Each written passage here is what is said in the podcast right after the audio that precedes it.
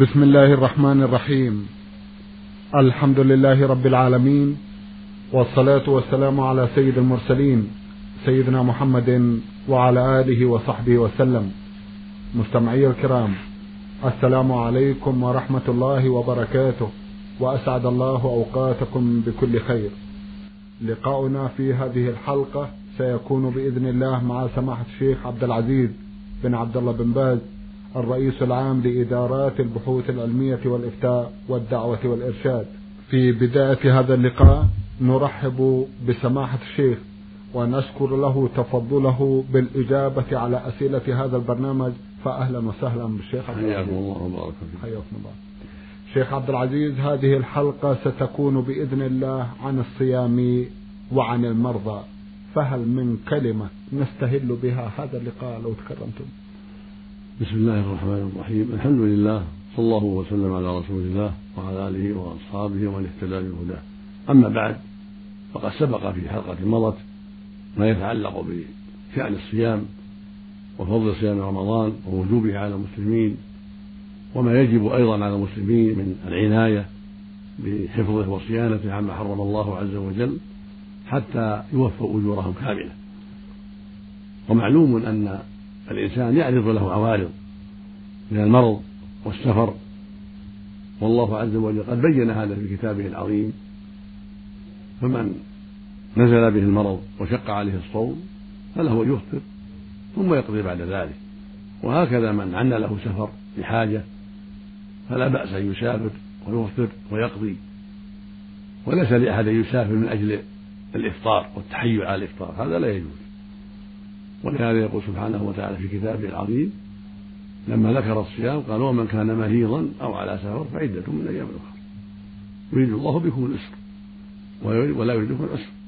الآية. فالمؤمن يحاسب نفسه وهكذا المؤمنة فإن وجد أحد منهما إن وجد أحدهما مرضا يشق عليه معه الصوم والله يعلم أنه صادق فلا حرج عليه في الفطر. وهكذا إذا سافر لحاجة فإنه لا بأس عليه يفطر. ثم يقضي بعد ذلك والحمد لله. نعم. بارك الله فيكم. أول أنواع المرض ذلكم المرض الذي تفشى في كثير من المسلمين ونسأل الله لهم العافية هو الفشل الكلوي. المصاب نعم. المصاب بهذا المرض يحتاج إلى الغسيل. والغسيل قد يكون في نهار رمضان. ويسأل كثير من المصابين بهذا المرض فيما لو أذن لهم الأطباء بالصيام. هل يؤثر غسيل الكلى على الصيام أو لا يؤثر؟ الأمراض متنوعة والمرضى أعلم بأنفسهم. فكل مرض يشق معه الصيام ويؤثر على المريض زيادة زيادة المرض أو تأخر البرء فإنه يجوز له الإفطار. فالغسيل الذي يحصل لأصحاب الكلى إذا كان هذا الغسيل يؤثر عليه صام فإنه له له الفطر ولا حرج عليه. أما نفس الغسيل كون يعطى شيئا دواء يخرج منه شيئا يضره ويبقي فيه شيئا ينفعه. فلا أعلم ما يمنع من ذلك. إذا كان مثل الحقن مثل الإبر التي يعطاها الإنسان لحفظ الصحة أو لإسكان المرض كالحمى أو لإخراج دم فاسد من فمه أو دبره. هذا لا يعتبر مفطرا له في هذه الحالة لأنه لم يتعمده وإنما هو من جهة العلاج الذي تحفظ به صحته. فهو يعطى هذا لحفظ الصحة وسلامته من الهلاك ويترتب على هذا العلاج من الإبر التي يعطاها خروج شيء ودخول شيء. فهو يدخل له شيئا طيبا ويخرج منه ما يضره بقاؤه. هذا هو الذي يتبادر من فيما نعلم من عملهم في الغسيل. وإذا كان صومه في هذه الحال يضره بتأخير المرض وطول أجله أو زيادته فإنه يفطر ويتعاطى هذا العمل وهو مفطر. ولا حاجة إلى الصوم الذي يضره. نعم. والله به أرحم سبحانه وتعالى. هو القائل عز وجل ومن كان مريضا أو على سفر فعدة من أيام أخرى. هذا هو المتبادر في هذه المسألة. نعم. وإذا قضى بعد ذلك احتياطا لإخراج هذا الذي يخرج منه ما نعلم بأسا في ذلك أما الذي يظهر والله أعلم أنه في هذه الحال شبه من قال فيه النبي صلى الله عليه وسلم من درعه القيد فلا قضاء عليه لأنه إن ترك العمل أضره الترك نعم. وإذا أعطي هذه الإبر التي تحفظ بها صحته خرج منه هذا الشيء كما قد يخرج من طريق الأسفل نعم. ويعطى مواد تجعله يصاب بالاستسهال وخروج ما يضره من أسفل هكذا خروج ما يضره من فوق من طريق القذف النزيف قذف نعم. الدم أو نحو ذلك أو خروج من أسفل من أجل العلاج ما يضره إن شاء الله. نعم. بارك الله فيك. نعم. ماذا أيضا لو تكرمتم عن المصابين بالربو وهم يتعاطون الأكسجين؟ هل يؤثر هذا الأكسجين على الصيام أو لا؟ الفتوى صادرة في هذا لأنه لا يضر. لأنه لأنهم مضطرون إليه وهو ليس بأكل ولا شرب. ولا يشبه الأكل والشرب وإنما هواء يعطيهم شيئا من الراحة. هواء فيه شيء من دواء خفيف يعطيهم شيء من الراحة نعم. بارك الله فيكم. آه، بالنسبة للمصابين بمرض السكر ماذا يقول الشيخ عبد العزيز لمثل هؤلاء؟ هذا مثل ما تقدم. نعم. إن كان المرض يضرهم ولا يستطيع معه الصوم بل يشق عليهم الصوم بزيادة المرض عليهم والتعب عليهم. تعبا كثيرا واضحا أو يسبب عدم برؤه فلهم الفطر. أما إن كان عاديا المرض معهم سواء صاموا أو لم أم لم يصوموا هو معهم. لا يتغير عليهم ولا يضرهم فالواجب عليهم الصوم. لأنه مرض عادي لا يضرهم معه الصوم. فأشبه حال الهزالة وكبير السن الذي لا يضره الصوم. نعم. بارك الله فيكم. ماذا لو احتاجوا تعاطي نوعا من الأدوية ربما يكون الإبر أو ما أشبهه أما الأكل فلا حبوب أو شراب يفطر الصائم. أما إبر في العضل أو في العروق يحصل بها تخفيف الربو أو ما أشبه ذلك فلا فلا حرج في ذلك إن شاء الله. لأن هذه الإبر فيما نعتقد وفيما نفتي به نعم. بعد البحث لا تعتبر أكلا ولا شربا. وإنما هي علاج ودواء. نعم. هل هناك فرق بين الإبر التي تؤخذ عن طريق الوريد أو الإبر التي تؤخذ عن طريق آخر؟ الصواب لا فرق في ذلك. الصواب لا فرق. وإن كانت إبر الوريد أبلغ لكن لا فرق في عدم الإفطار. أما الإبر التي تؤخذ للتغذية بدل الأكل والشرب يغذونه بها فهذه قامت مقام الطعام والشراب فهي إبر تغذية فتفطر أنت أعطاها أفطر بها. نعم. أهل الصرع ماذا يقول عنهم الشيخ عبد العزيز؟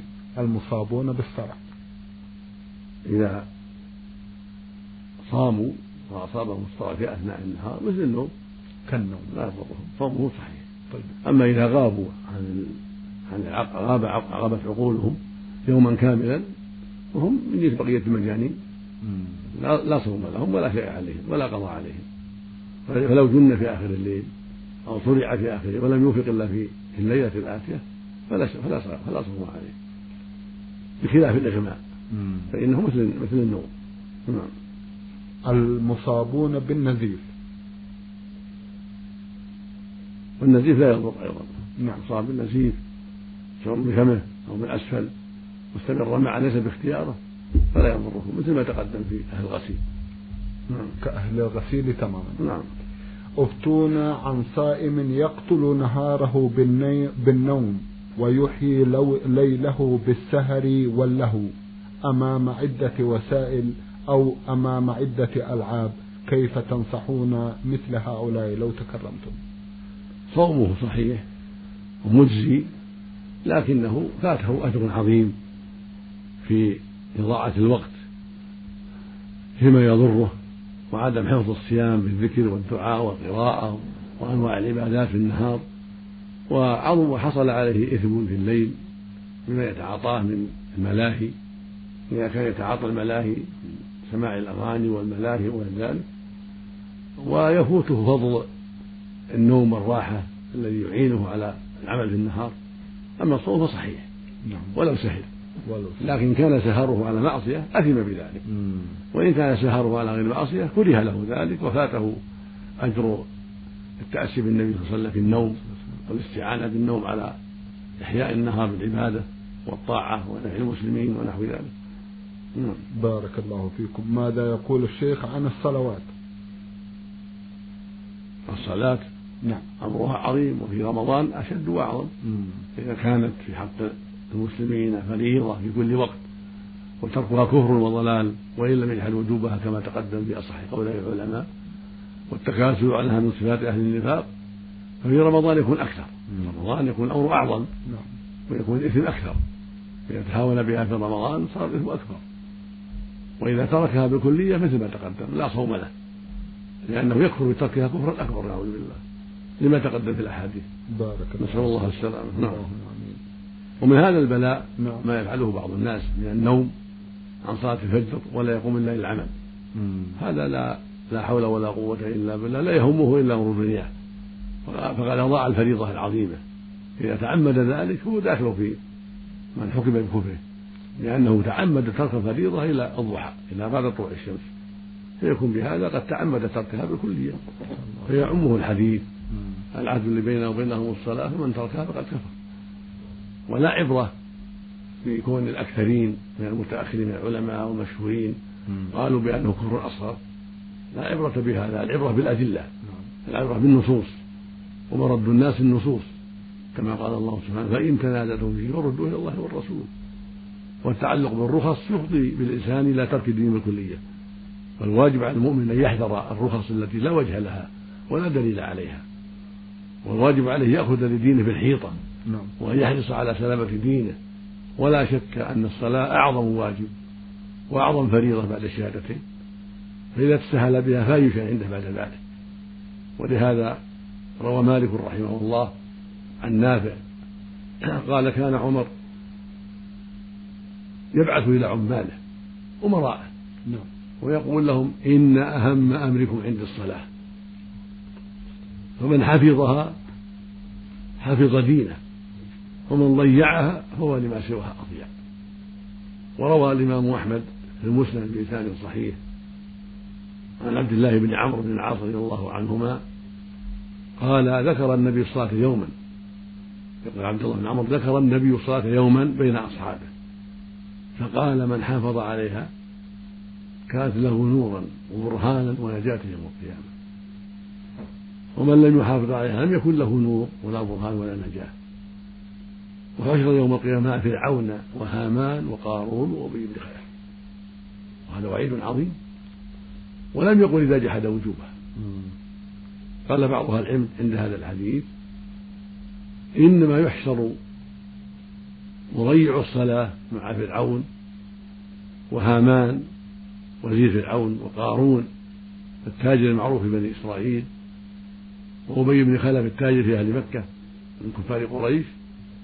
إنما يحشر مضيع الصلاة مع هؤلاء لأنه إن ضيعها من أجل الرياسة والملك والإمارة شابه فرعون الذي طغى وبغى بسبب الرياسة فيحشر معه إلى النار يوم القيامة. وإن ضيعها بأسباب الوظيفة والوزارة شابه هامان وزير فرعون الذي طغى وبغى بأسباب وظيفته فيحشر معه إلى النار يوم القيامة. ولا تنفعه هذه الوظيفة ولا تجيره من النار. وإن ضيعها بأسباب المال والشهوات أشبه قارون تاجر بني إسرائيل الذي قال الله فيه في كتابه العظيم إن قارون كان من قوم موسى فبغى عليهم الآية وقال بعده فخسفنا به وبدار الأرض. فهذا الرجل شغل بأمواله وشهواته وعصى موسى عليه الصلاة والسلام واستكبر عن اتباعه وبغى فصارت العاقبة أن خسف الله به الأرض وبماله جميعا. خسف الله به وبجاره الأرض. وهو يتجلجل في الأرض إلى يوم القيامة عقوبة عاجلة غير عقوبة النار نعوذ بالله. فالذي ضيع الصلاة بأسباب المال والشهوات يكون شبيها بقارون فيحشر معه إلى النار يوم القيامة نسأل الله العافية. والرابع الذي ضيعها بأسباب التجارة والبيع والشراء والأخذ والعطاء. شغل بالمعاملات والأخذ والعطاء والنظر في الدفاتر وماذا على فلان وماذا أدى فلان حتى ضيع الصلوات. فهذا أشبه أبي بن خلف تاجر أهل مكة من الكفرة فيحشر معه إلى النار يوم القيامة نعوذ بالله. وهذا لا شك أنه وعيد عظيم ويدل على كفر من ضيعها نعوذ بالله. نعم. بارك الله فيكم وجزاكم الله خيرا. شيخ عبد العزيز عن التراويح وتلاوة القرآن وختم القرآن خلال هذه الصلاة وخلال هذا الشهر المبارك. هل لكم من كلمة حول هذا لو تكرمتم؟ لا ريب أن صلاة التراويح قربة وساع وعبادة عظيمة ومشروعة. النبي صلى الله عليه وسلم فعلها ليالي بالمسلمين قام بهم ليالي ثم خاف أن تفرض عليهم فترك ذلك وأرشدهم إلى الصلاة في الوجود. ثم لما توفي عليه الصلاة والسلام وأفضت الخلافة إلى عمر بعد الصديق ورأى الناس في المسجد يصلونها أوزاعا هذا يصلي نفسه وهذا يصلي لرجلين وهذا يصلي لأكثر. قال لو جمعناهم على إمام فجمعهم على إمام وصاروا يصلون جميعا. واحتج على ذلك بقوله صلى الله عليه وسلم من صام من صام رمضان إيمانا واحتسابا غفر له من تقدم ذنبه. ومن قام رمضان إيمانا واحتسابا غفر له من تقدم ذنبه. واحتج أيضا بفعل النبي صلى الله عليه وسلم تلك الليالي وقال إنه انتهى الوحي وانقطع الخوف بعد بعد موته صلى الله عليه وسلم لا يخاف من الفريضة. فصلىها المسلمون في عهد النبي صلى الله عليه وسلم في عهد النبي صلى الله عليه وسلم ليالي مع النبي صلى الله عليه وسلم ثم صلوها مع عمر في عهد عمر. واستمروا في ذلك جماعة. نعم. والأحاديث ترشد إلى ذلك. ولهذا في الحديث الصحيح يقول صلى الله عليه وسلم من قام مع الإمام حتى ينصرف كتب له قيام ليلة. خرجه الإمام أحمد وأهل السنن بإسناد صحيح. فدل ذلك على شرعية القيام جماعة في رمضان وأنه سنته صلى الله عليه وسلم وسنة خلفائه بعده عمر عمر الفاروق ومن بعده.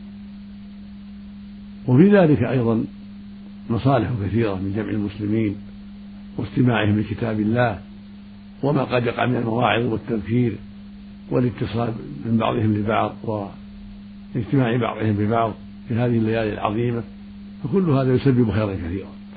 وكذلك دراسة القرآن في الليل والنهار من أفضل القربات. كان السلف إذا دخل رمضان أقبلوا على القرآن وتركوا الحديث والتفقه حلقات العلم هذا هو الغالب على السلف. فينبغي لأهل الإيمان من الذكور والإناث أن يشتغلوا بالقرآن الكريم تلاوة وتدبرا وتعقل وتعقلا ومراجعة لكتب التفسير وغير هذا من وجوه التعلق بالقرآن والعناية بالقرآن وإذا سمعوا درسا في المسجد أو راجع بعض المسائل العلمية لا منافاة لا حرج في ذلك. لكن ينبغي يكون العناية أن تكون العناية بالقرآن في رمضان أكثر. كما فعله السلف الصالح رضي الله عنهم وأرضاهم. وهكذا الإكثار من القراءة حتى يختم مرات كثيرة. كان بعض السلف يختم في كل يوم وبعضهم في ثلاث. لكن الأفضل ألا ألا يكون أقل من ثلاث. هذا هو الذي أرشد إليه النبي صلى الله عليه وسلم لما سأله عبد الله بن عمرو. أرسله يختم بسبع ثم طلب الزيادة فقال إلى ثلاث. فالأفضل أن تكون الختمة في ثلاثة أكثر حتى يطمئن حتى يقرأ بترتيل وعناية وتدبر. وبعض السلف رأى أن هذا في الجملة لكن في أيام رمضان ولياليه لا مانع من الختم في أقل من ذلك. ولكن التقييد بالحديث والأخذ بالحديث أولى ولو في رمضان. إذا ختم عشر مرات في رمضان أو تسع مرات أو ثمان هذا خير كثير مع الهدوء والطمأنينة والترفيه والعناية والإنسان له حاجات أخرى.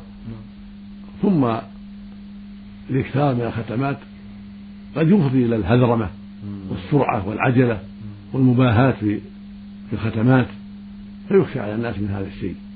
فالركود والهدوء حتى لا يقع شيء من الخلل في القراءة وحتى لا يقع شيء من المباراة للرياء والسمعة. فينبغي أن يكون أن يكون الختم لثلاث فأكثر حتى يقرأ قراءة واضحة متدبرة ويعتني بمعانيها ويراجع ما أشكل عليه. هذا هو الأولى والأفضل حتى ولو في رمضان. نعم. بارك الله فيكم. يحرص كثير من الأئمة سماحة الشيخ على أن يختم القرآن في التراويح وفي التهجد. هذا لأجل سماع الناس جميع القرآن. إذا تيسر يسمع جميع القرآن بحيث يكون كل ليلة فيها جزء أو أقل من جزء لكن في العشر الأخيرة يزيد حتى يختم القرآن ويكمله هذا يكون أفضل إذا تيسر من دون مشقة. وهكذا دعاء دعاء الختم يدعو بهم حتى يؤمنوا. كان السلف يفعلون ذلك. فإذا فعل ذلك فلا حرج. وقد عقد العلامة ابن القيم رحمه الله بابا في كتابه جلاء الأفهام في الصلاة والسلام خير الأنام وذكر في ذلك حال السلف في عناية بختم القرآن. نعم. نعم. بارك الله فيك الله الجميع. نعم. اللهم آمين. آه الذين لا يتمكنون من الختم يشعرون بشيء من آه الألم. سماحة الشيخ ماذا يقول لهم؟ لا حرج فيه الأمر في هذا واسع طيب. إن ختم فهو أفضل حتى يسمع الناس وحتى يفوز بالأجر العظيم في هذا الشهر الكريم. وإن حال حائل ولم يتيسر له الختم وهو إمام إما لأجل الرفق بهم لأنهم أصحاب أشغال أو لأسباب أخرى فلا حرج الأمر واسع والمؤمن يراعي, يراعي المأمومين ولا يشق عليهم ويرفق بهم وإذا كانوا يشق عليهم تشق عليهم الإطالة فكونه يقيمونها أولى من تركها خوفا من الإطالة إذا صلى بإحدى عشرة ركعة فهو أفضل. إحدى عشرة أو ثلاثة عشرة مع الترتيل ومع الركود في الركوع والسجود هو أفضل من كثرة القراءة ومن صلاة عشرين أو أكثر. كن يتحرى فعل النبي صلى الله عليه وسلم إحدى عشر ركعة أو ثلاثة عشر ركعة كان هذا أفضل. والإحدى عشر أفضل من الثلاثة عشرة لأن هذا هو المحفوظ عنه صلى الله عليه وسلم في الغالب كما قالت عائشة رضي الله عنها. وربما صلى بعض الأحيان ثلاثة عشرة وربما صلى أقل من ذلك وصلى الصحابة رضي الله عنهم عشرين ركعة مع الوتر كل هذا بحمد الله واسع. فمن زاد أو نقص فلا حرج. لقوله صلى الله عليه وسلم صلاة الليل مثنى مثنى ولم يحدد عددا معلوما. صلاة الليل مثنى مثنى ثم قال فإذا خشي أحد الصبح صلى ركعة واحدة توتر له ما قد صلى. وهذا عام في رمضان وفي غيره. فمن زعم أنه يجب الاقتصار على إحدى عشرة أو ثلاثة عشرة فقد غلط. ومن كره الزيادة فقد غلط. ومن حرمها فهو أشد غلطا. وإنما ذلك أفضل إذا اقتصر عند عشرة هذا أفضل من أجل التمكن بطاعة القراءة وإطاعة الركوع والسجود ومن أجل تمكين المأمومين من ذلك ومن أجل موافقة السنة التي هي الغالبة من فعل النبي صلى الله عليه وسلم. لكن من زاد فلا حرج. طيب. نعم. ماذا عن القراءة من المصحف؟ سماحة الشيخ؟ لا حرج في ذلك. الصواب أنه لا حرج في ذلك. فإذا احتاج إلى أن يقرأ من المصحف لأنه لم يحفظ القرآن فلا بأس يقرأ من المصحف. وقد ثبت أن عائشة رضي الله عنها كان يصلي بها مولاها ذكوان من المصحف. نعم. ذكره البخاري رحمه الله تعليقا جازما به والأصل أنه لا بأس بهذا فمن فعليه الدليل.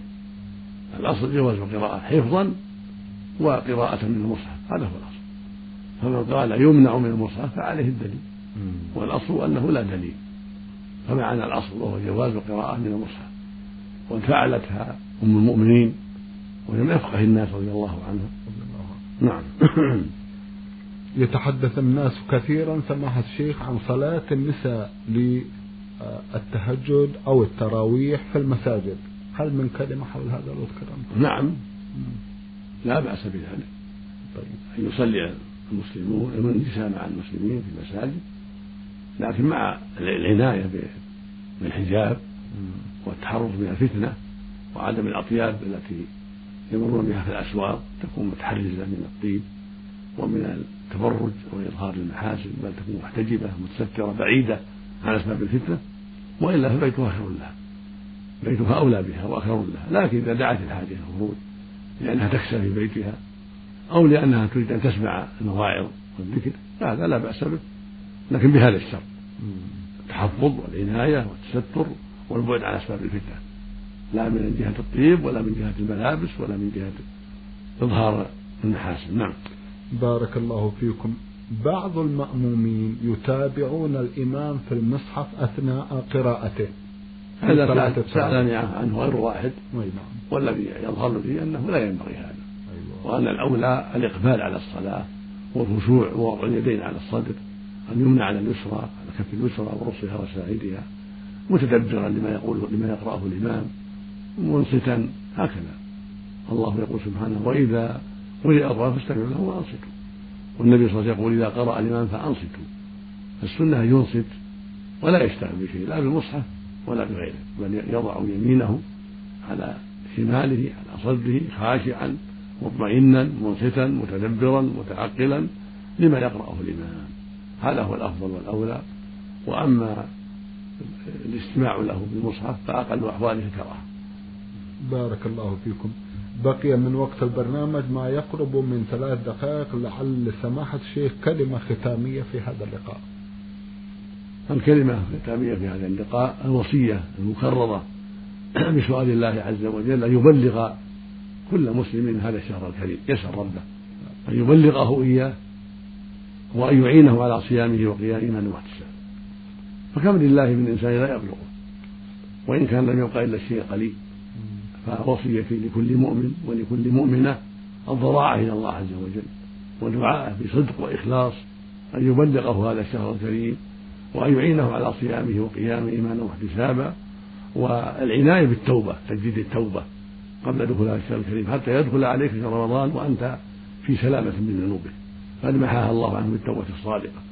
ثم العزم الصادق أن تستقيم في رمضان وأن تبتعد عن كل ما حرم الله عز وجل.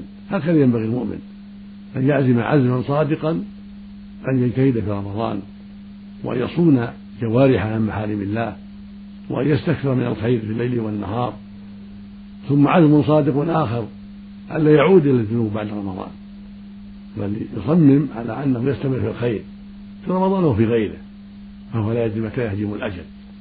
فليصمم على الخير والعمل الصالح لعله يوفق فيستقيم إلى أن ينزل به الأجر رزق الله جميع التوفيق والهداية وبلغ المسلمين جميعا في كل مكان صيام هذا الشهر العظيم وقيامه. ورزقهم فيه الإيمان والاحتساب والصدق والإخلاص والمسارعة إلى كل خير. وصلى الله وسلم على نبينا محمد وعلى آله وصحبه اللهم صل على سيدنا محمد.